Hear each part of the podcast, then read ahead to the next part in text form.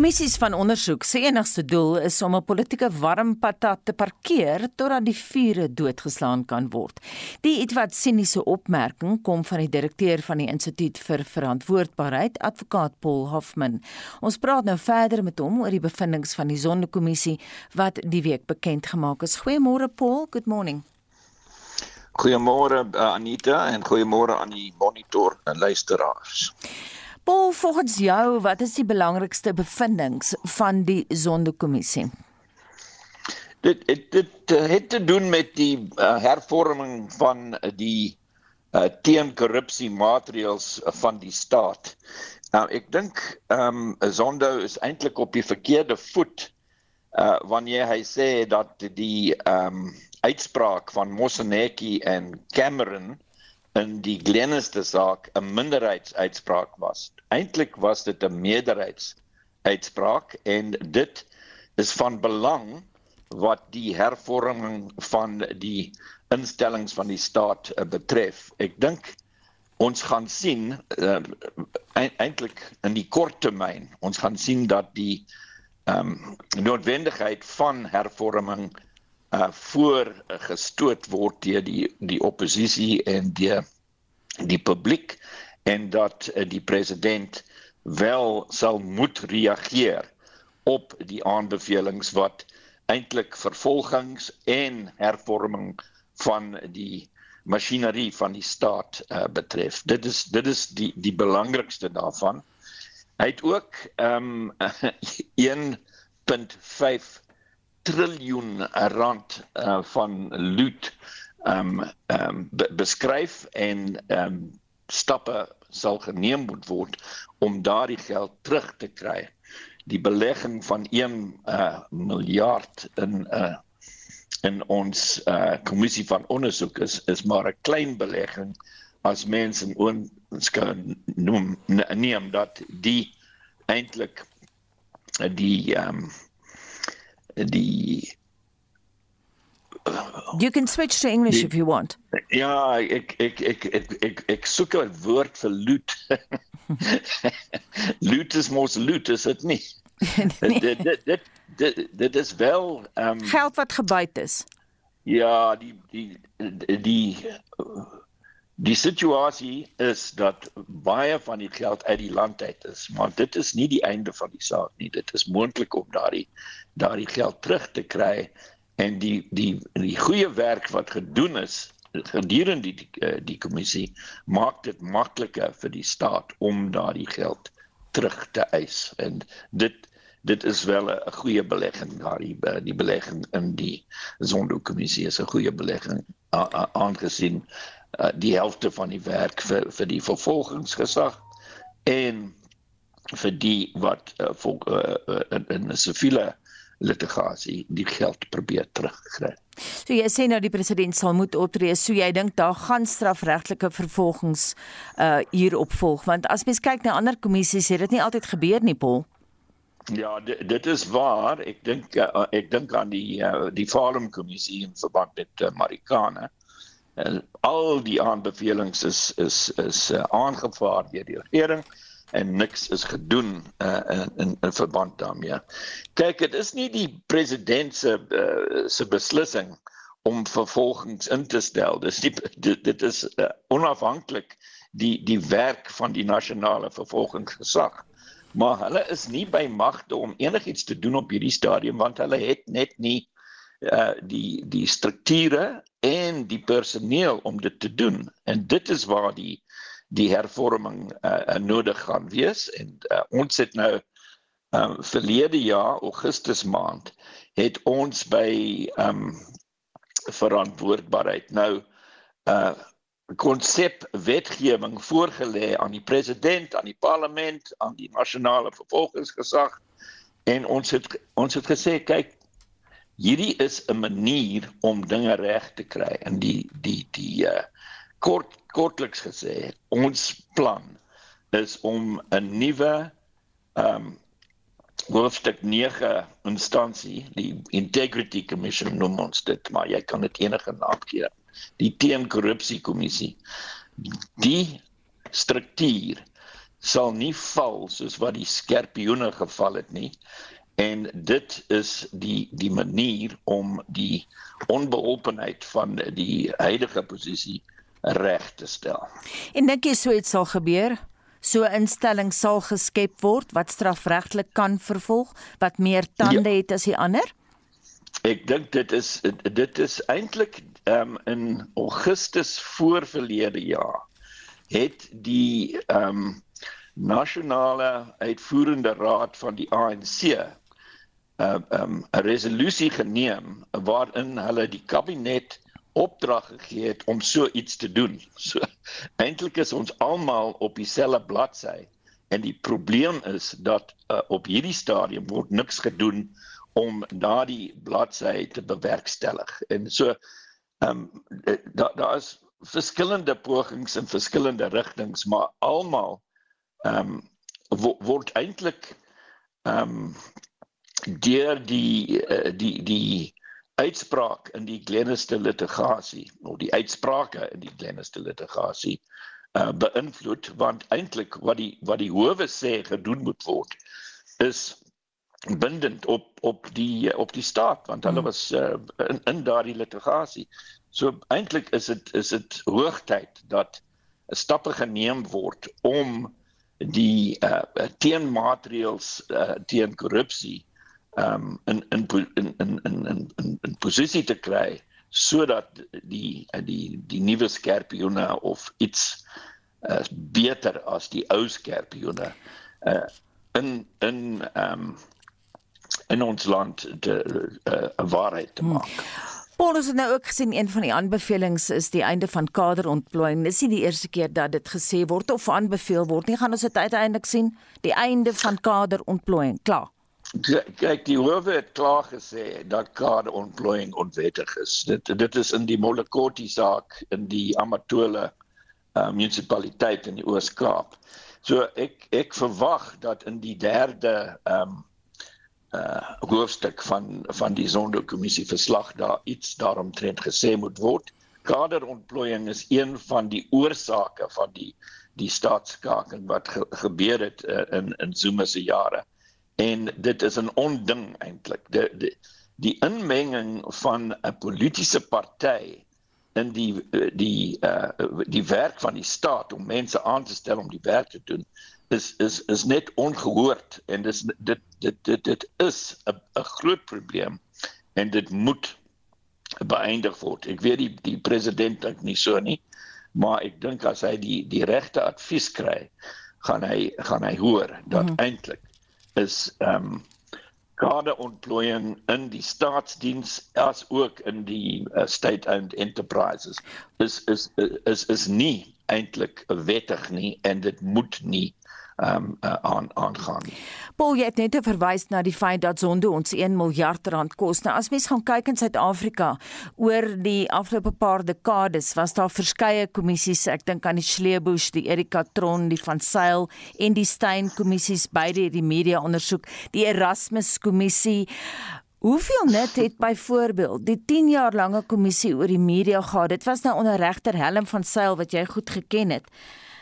Dit het ook maar al vir my ja, nee, gebaar. Hoeveel van daai daar ja, niks het daar uitgekom. Kyk, dit is dit is waar dat as daar 'n warm patat opduik in die politiek, dat, dat die die slim politici stel stel 'n kommissie van ondersoek aan en die patat word afgekoel en afgekoel en almal in die in die publiek ver, vergeet van die eh, van die twispunte daarop trend of hulle stel nie meer belang hulle hulle, hulle raak verveeld met die met met die die vak en, en hulle los dit en en en ehm um, die die kommissie se doel dan is is net om uh, dinge te laat afkoel of die vuur te dood te maak.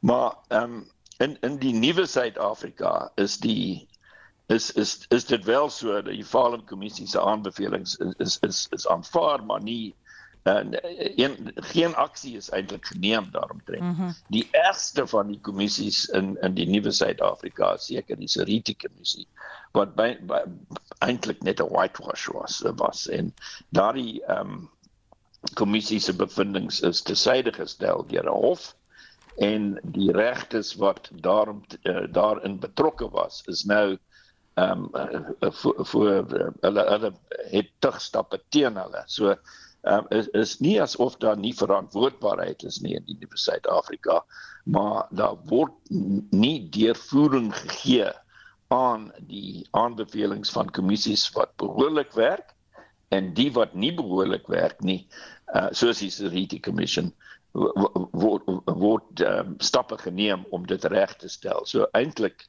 is ons in 'n veel meer gesonde posisie as in die ou dae. Ja, daar was warm patatte in die ou dae en daai patatte is ook afgekoel en ehm um, ehm um, ons president Forster het sy pos verloor as gevolg van die werk van die mm. kommissie van ondersoek. So dis nie asof eh uh, kommissies van ondersoek uh, niks uh, bereik nie.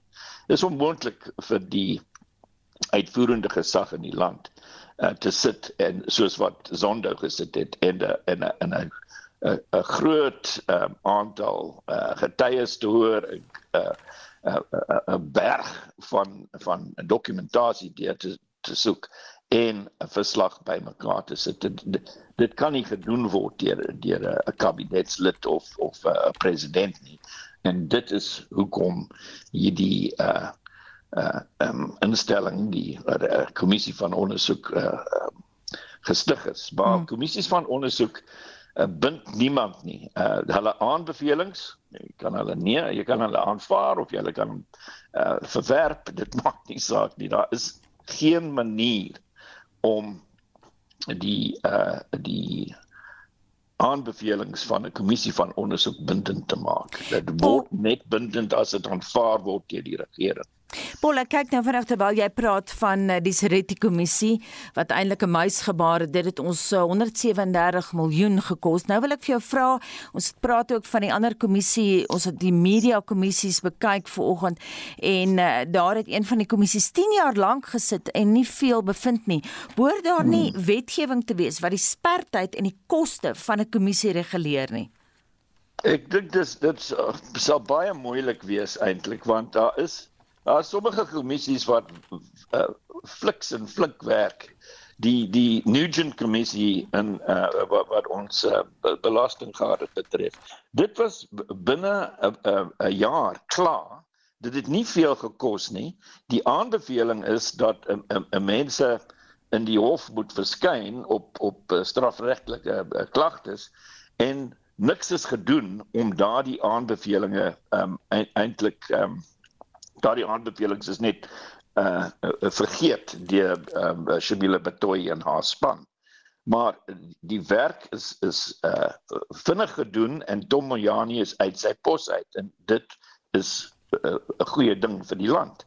So kyk jy, jy kan nie eintlik vooraf sê ehm um, 'n uh, uh, uh, uh, kommissie moet 'n uh, beperkte uh, um, um, budget begroting hè en, en dat dit binne 'n 'n beperkte tyd klaar moet wees want die die die feite van elke saak is is is uh, is verskillend en die tyd wat dit neem is ook verskillend. Dis moontlik dat se retail hulle geld sal moet terug uh, teruggee um, mm. as as gevolg van van uh, wat hulle gedoen het maar ehm um, ek kan nie insien dat uh, wetgewing van die uh, van die ehm uh, um, die tipe wat jy nou beamoen is is is uh geregverdig of eintlik moontlik. Mhm. Mm Paul net 'n laaste vraag. Wat van die aanbevelings wat die WVK gemaak het? Ek weet jy hou dit dop.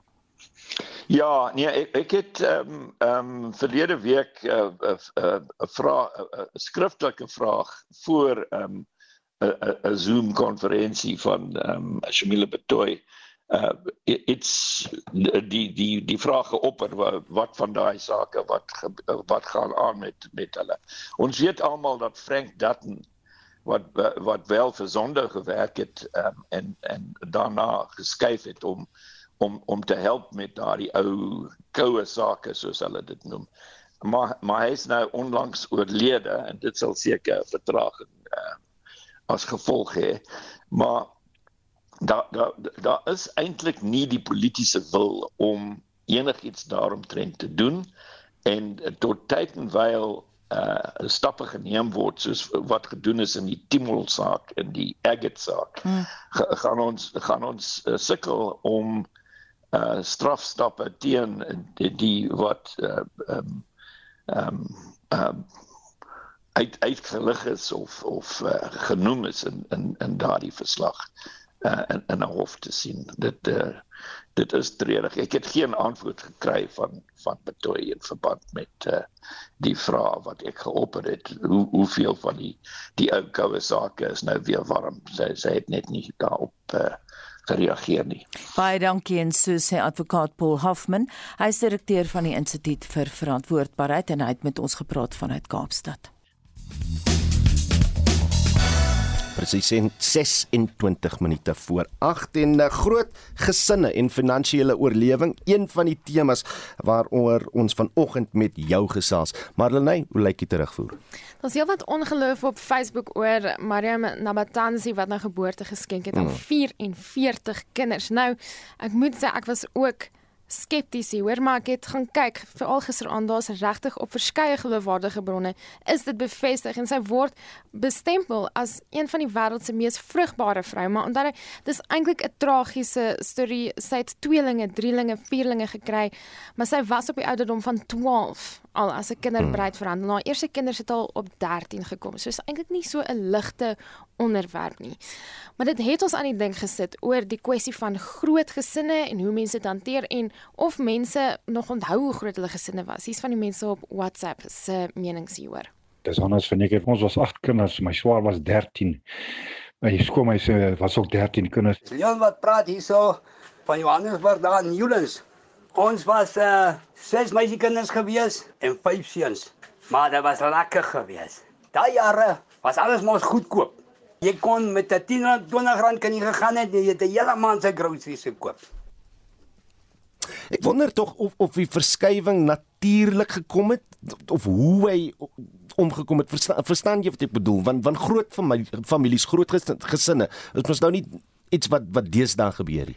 Dit is ook nie noodwendig iets wat ek aldags teekom nie mm, of elke dag mm. teekom nie. So beslis iets om oor te wonder. Maar daar is mense wat soos hierdie luisteraar wat vir ons 'n SMS gestuur het wat 'n mens half laat dink en wonder daaroor. Dis iemand wat sê dis te duur en die impak op die aarde is te nadelig as mens nou kyk na hoeveel mense daar is. Die persoon sê ook buitendien sorg die staat nie meer vir jou soos wat hulle voorheen gesorg het nie en dit is die realiteit. En ek dink dit is dalk vir verskeie mense die rede hoekom hulle nie um, so baie kinders het nie en nie sulke groot gesinne het nie. Um Jane Adendorf skryf wel op Facebook: Kinders is 'n blessing want daar's baie mense wat smag na kinders, maar dit nie kon kry nie, maak nie saak hoe jy dit het of hoe jou liggaam lyk nie. So, heelwat terugvoer op Facebook, baie mense wat nog SMS stuur, baie mense wat WhatsApp stuur. Laat weet ons, deel jou mening met ons. Jy kan vir ons op al hierdie platforms sê hoe voel jy oor die kwessie. Dankie Marlene.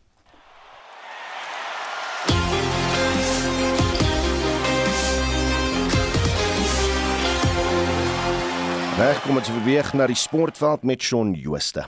In vanoggend se bydrae kyk ons na gister se Curriebeeker uitslaa. Twee Protea spanne is vandag in aksie en die Afrika Nasies beker toernooi se eerste finaliste is bevestig. In gister se derde ronde van die Carling Curriebeeker reeks het die Haie gemaklik met 35-20 in Durban teen die WP geseëvier. Die rustydtelling was 13-11. Die Bulls het tuis 38-25 teen die Cheetahs verloor nadat hulle rustyd 2019 voor was en Griquas het die Pumas in Kimberley met 41-20 afgeronsel. Die resultating was 21-13 in Griquas se guns. Op die cricketveld pak die Proteas en Windies se vroue spanne mekaar vanmiddag van 2 uur af op die Wanderers in Johannesburg in die derde wedstryd van hul eendagreeks. Die Windies loop 1-0 voor. Indie het na die eindstryd van die onder 19 wêreldbeker toernooi in die Wes-Indiese eilande deurgedring na 'n oorwinning van 96 lopies oor Australië. Hulle kom Saterdag in die eindstryd teen Engeland te staan. Suid-Afrika speel vanmiddag teen Bangladesh vir die sewende plek. Sokker. Senegal het Burkina Faso gisterand in die halfeindronde van die Afrika Nasies beker toernooi in Kameroen met 3-1 geklop en op plek in Sondag se eindstryd verseker. Kameroen meet vanaand 9 uur teen Egipte kragte om te bepaal wie teen Senegal in die eindstryd gaan speel. En laastens op die golfbaan slaan die PGA Tour se AT&T Pebble Beach Pro Am vanmiddag 4uur in Kalifornië af. Daar is 5 Suid-Afrikaners in die veld van 156 spelers. Hulle is Christian Besaidnout, Dean Bumster, Dylan Fratelli, Charles Swartsel en Dawie van der Walt. Daniel Burger van die FSA is die verdedigende kampioen. Op die DP Wêreldreeks het die Ras Al Khaimah Kampioenskap in die Verenigde Arabiese Emirate vanoggend kort na 5 reeds begin. 11 Suid-Afrikaners neem deel. Dit sluit Oliver Becker, George Coetzee, Darren Figart, Sean Norris en Brandon Stone in. Die LPGA Tour se Drive-On Kampioenskappe begin vanmiddag kwart oor 2 in Fort Myers in Florida in die VSA. Ashley Buy en Polari 2 is die twee Suid-Afrikaners in die lys van deelnemers. Austin Ernst van die VSA was die wenner van die toernooi in 2021. En die plaaslike Tandy McCallum op 1 onder 73 is die voorloper na die eerste ronde van die Kaapstad Vroue Ope by die Royal Cape Golf Club. Shaun Schuster, RSG Sport. Die Suid-Afrikaanse Astronomiese Sterrewag buite Sutherland in die Noord-Kaap huisves nou een van vier teleskope wat deel vorm van die NASA gefinansierde Atlas asteroïde waarskuwingsstelsel. Die buitenste ruimte word 24 uur per dag dopgehou en gemoniteer om enige bedreiging betyds raak te sien. Vir meer daaroor praat ons nou met Ouke Slotegraaf, verbonde aan die Sentrum vir Sterkende Erfenis. Goeiemôre Ouke. Goeiemôre. Ouke, vertel ons meer van hierdie Atlas waarskuwingsstelsel. Ja, soos jy soos jy genoem het, dis dis die eerste keer dat ons die die, die kapasiteit het om die heeltyd die hele naghemel waar te neem.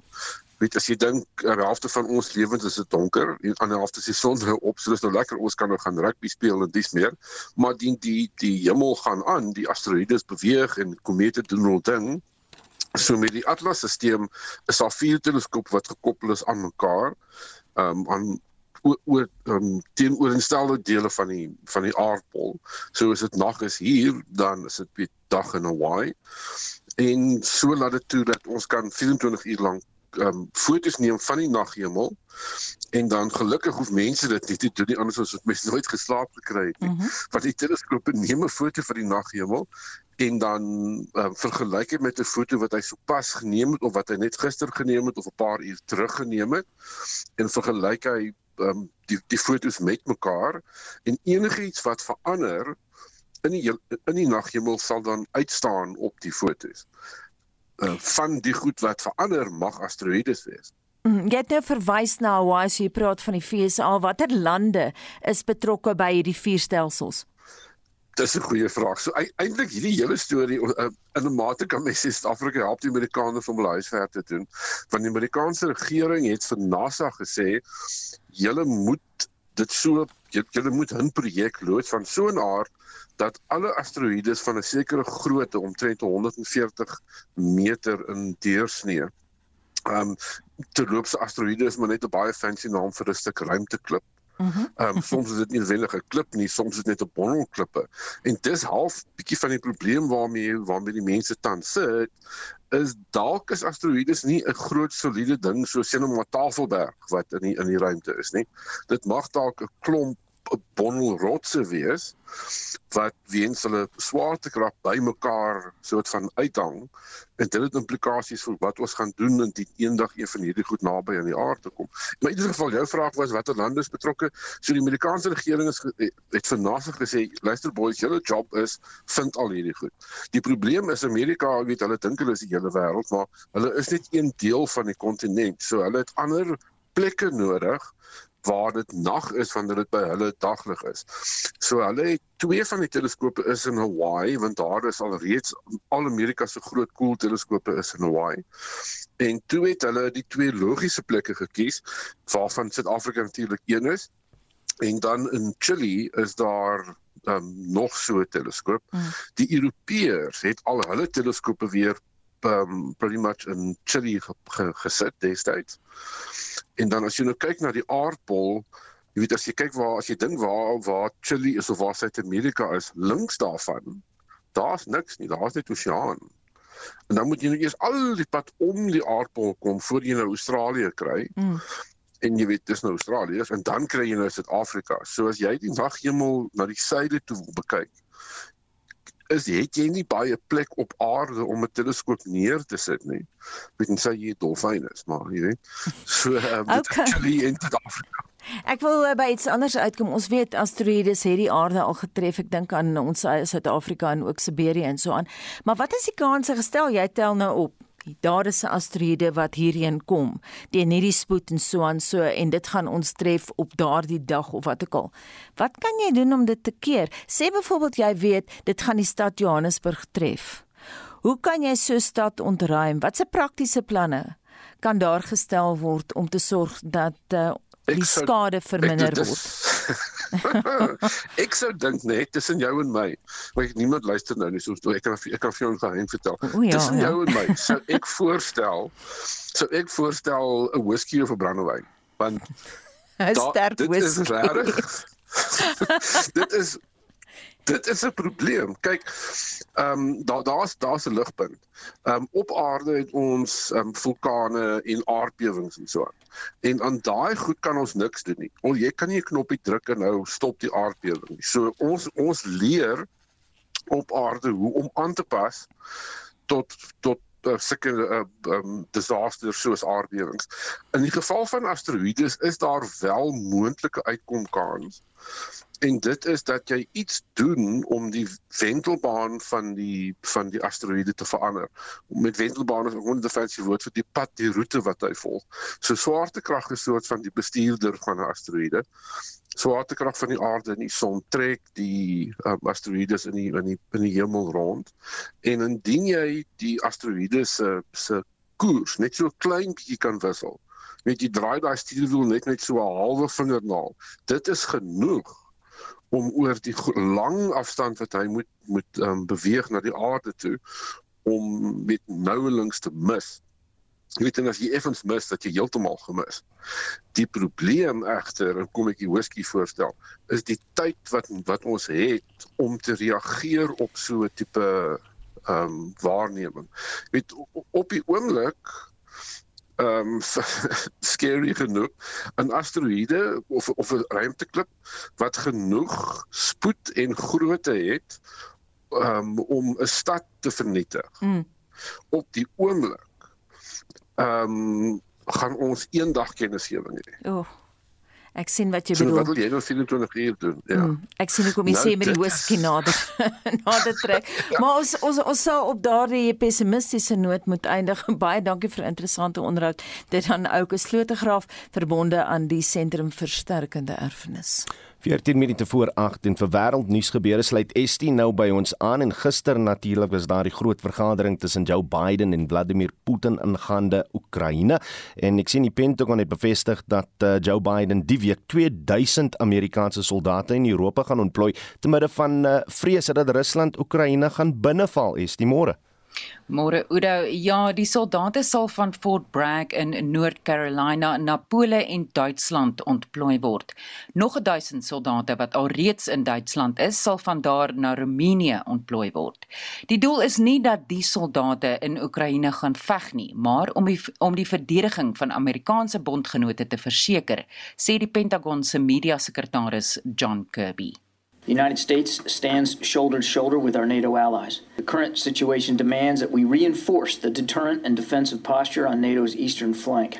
President Biden has been clear that the United States will respond to the growing threat to Europe's security and stability. Our commitment to NATO, Article 5, and collective defense remains ironclad. Die Pentagon het verlede maand 8500 soldate op bystand geplaas om na Europa te ontplooi. 'n Senior direkteur by die Sentrum van Militêre en Politieke Mag van die Stichting vir die Verdediging van Demokrasie in die FSA, Bradley Bowman, sê hy dink nie die Amerikaanse soldate in Europa is 'n bedreiging vir Rusland nie. NATO is a collective defense alliance. NATO is not Napoleon threatening Russia, NATO is not Nazi Germany threatening Russia. And Putin knows it. As the chairman of the Joint Chiefs of Staff said, this is a situation entirely fabricated by the Kremlin to try to coerce uh, Kiev. And it's based on a might makes right model where Vladimir Putin says, I'm more powerful than you, Ukraine. I can tell you what to do and with whom to associate. And so these are prudent steps I think the Biden administration is taking to send a clear message that the United States will honor its Article 5 NATO commitments En dit was 'n senior direkteur by die Stichting vir die Verdediging van Demokrasie in die VSA, Bradley Bowman. En dan sien ek Novak Djokovic is weer in die nuus uh, want aanklaers aanklaers in Servië het bevind dat hy nie vervalste COVID-19 toetssertifikate aan Australiese owerhede ingedien het nie. Ja, Udo, die BBC het verlede week die egtheid van die toetssertifikate in twyfel getrek omdat die volgorde van die reeksnommers nie in ooreenstemming was met dieselfde toetssertifikate wat hy voorheen ingedien het nie. Die toetse is ingedien om hom kwyt te skeld van die reëls teen inenting om in die Australiese Ope te kon speel, maar sy visumaansoek is egter voortydig teruggetrek en hy kon nie deelneem nie omdat hy gedeporteer is, maar dit was in verband met COVID-inentingsmaatreëls en nie op grond daarvan dat die dokumente vervals was nie. Die aanklaer se kantoor in Servië het nou bevestig die departement van gesondheid sê die dokumente was oorspronklik en eg en dat die elektroniese database aandui Djokovic se aanvanklike positiewe en latere negatiewe COVID-toets was albei geldig. En nou na Nieu-Seeland wat aangekondig het dat hy na 2 jaar van streng COVID-19 inperkingsmaatreëls geleidelik sy grense gaan oopstel aan die res van die wêreld in interessant aangesien New Zealand uh einde volgende maand 'n cricket wêreldbeker gaan uh, gaan aanbied. Ja, Udo Nieu-Seelanders wat ingeënt is, sal van die 27ste Februarie af kan terugkeer huis toe en Nieu-Seelanders wat in die res van die wêreld woon kan van 13 Maart af terugkeer na die land mits hulle ingeënt is. Hulle sal steeds tuis moet self isoleer, maar niemand sal meer by 'n regeringsfasiliteit onder kwarantyne geplaas word nie en hier is Nieu-Seeland se eerste minister Jacinda Ardern. Overall opening back up in this managed way balances inflows of travellers so people can reunite and fill our workforce shortages, while also ensuring our healthcare system can manage an increase in cases. After all, our strategy with Omicron is to slow the spread, and our borders are a part of that strategy. Die heropening van die grense sal in 'n 5-punt plan uitgerol word wat in Oktober ten einde sal loop en die grense was grootliks gesluit sedert die pandemie byna 2 jaar gelede uitgebreek het. So ek weet nie wat 'n impak dit gaan hê op daai krikettoernooi eh, in die Ouda. Dit beteken dat mense net net voor die Wêreldbeker kan inkom sonder om by 'n regeringsplek uh, te gaan kwarantyne doen, maar dit was Estie met 'n oorsig oor vandag se wêreldnuus. Terug in Suid-Afrika nadat Wes en Noord-Kaapenaars die afgelope dae behoorlik gesweet het, het daar daarom verligting gekom met wyd verspreide reën en koeler weer en ons praat nou daaroor met 'n voorspeller by die Suid-Afrikaanse Weerdiens Quentin Jacobs. Goeiemôre Quentin. Goeiemôre. Vertel ons 'n bietjie van daai koue front wat gister in beweeg het. Waar het dit oral gereën? Ek het ek het ongelukkig daai inligting nie, maar dit behoort van die koue front behoorlik gereën het uh in die uh in die Weskaap so langs die langs die Weskus en Kaapstad self en ek dink seker die westelike dele van die uh westelike dele van die Suidkus. Uh in die Noord-Kaap is dit meer die tropiese trog wat wat reën veroorsaak die daai kant. En wat kan ons front, ja, ja, maak jy sin klaar? Die koue front het basies net die Weskaap regtig uh uh beïnvloed op hierdie stadium. En wat kan ons vandag verwag? Wel, vandag lyk dit asof hy nog verder instoot sê ek verwag maar redelike koel toestande in die Weskaap met nog so 'n bietjie met nog so 'n bietjie reën en dit lyk asof uh, temperature eers oor die naweek regtig weer uh somer temperature gaan word. Baie dankie en so sê voorspeller van die Suid-Afrikaanse Weerdiens Quentin Jacobs. Die Wêreld Natuurlewefonds en die WWF Nedbank Green Trust sê vervaardigers en verspreiders van plastiekprodukte moet ook begin verantwoordelikheid neem vir plastiekbesoedeling. Tradisionele uh, teenbesoedelingsboodskappe is gewoonlik gemik op die verbruiker, maar Lauren de Kok, die programbestuurder vir die plastiekbesoedeling, besoedeling liewer by uh, die Wêreld Natuurlewefonds, sê daar kort dringende ingryping en bestuur van die plastiekvervaardigingssiklus om besoedeling te stop. Ons besef plastiekbesoedeling is 'n simptomatiese probleem en dis as gevolg van 'n gebroke plastiekstelsel. Van die begin van die oorproduksie van primêre plastiek wat geen herwinde komponente het nie tot die oorverbruik van plastiek aangesien dit die goedkoopste materiaal beskikbaar is. So ja, ons kort dus ingryping op elke vlak van die plastiek lewensiklus om hierdie sistemiese verandering te realiseer sodat plastiek in die ekonomie bly en nie uitlek in die omgewing nie. Anders sal ons toenemende vlakke van plastiekbesoedeling in die natuur sien wat 'n wesenlike negatiewe impak het op die natuur sowel as menslike gesondheid en ekonomie. Wie moet hier 'n leidende rol neem? Is dit die regering, privaat sektor? Waar moet hierdie ding begin? Ons het aanbeweeg daarvan om net die verbruiker te blameer vir besoedeling en rommelstrooi. Aangesien ons weet dat die ingrypings net in afvalbestuur en publieke opvoeding nie suksesvol is nie net in Suid-Afrika maar ook wêreldwyd. Ek dink ja, die bemarkingsveld tog om slegs een deel van die waardeketting te blameer het dalk goed gewerk die afgelope 5 dekades en word nog steeds deur die groot petrochemiese maatskappy gedryf. Maar soos ons deesdae besef, hierdie is 'n sistemiese probleem en dus moet die hele waardeketting verantwoordelikheid neem en ingrypings ontwikkel en implementeer wat die stelsel sal verander. Byvoorbeeld om die produksie van primêre plastiek te beperk deur plastiekprodukte te ontwerp wat weer gebruik kan word. En wat dit beteken hier is, jy weet in Engels sê ons reuse. Wat beteken die verpakking word weer gebruik as 'n houer vir dieselfde produk, soos die ou glasmelkbottels van jare terug. En verpakking en produkte moet ook kan herwin word. En baie belangrik Wetgewing moet in plek gesit word om te sorg dat alle plastiekprodukte 'n groot deel herwinde inhoud moet bevat.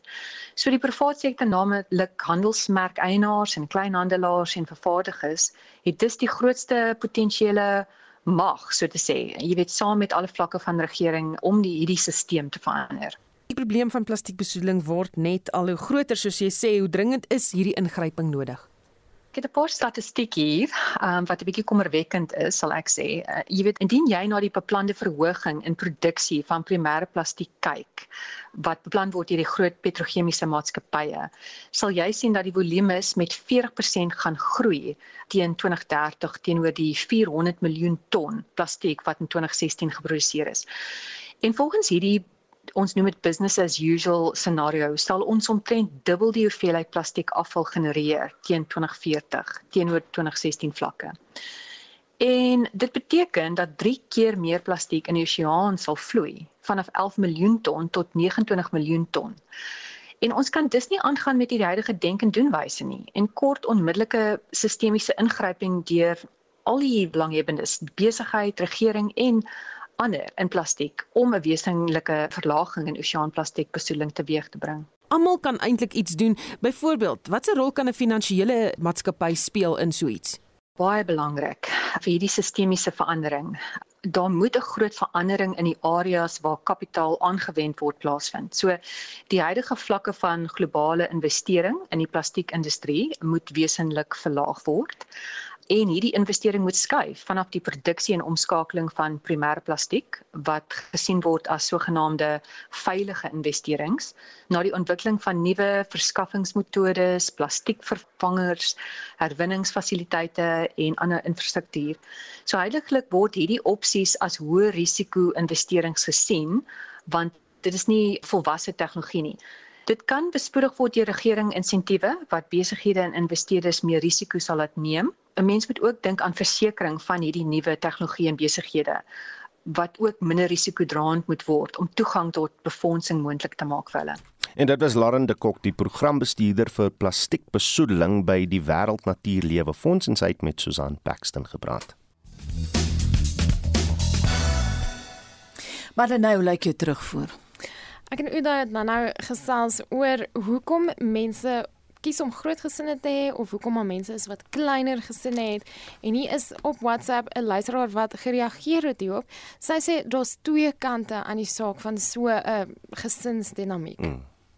Mense wat my ondervinding is in die jare wat ek in die ouderdom wat ons nou in is, is dat groot gesinne was arm en dit is 'n blywende stempel wat op hulle afgedruk is is hierdie armoede.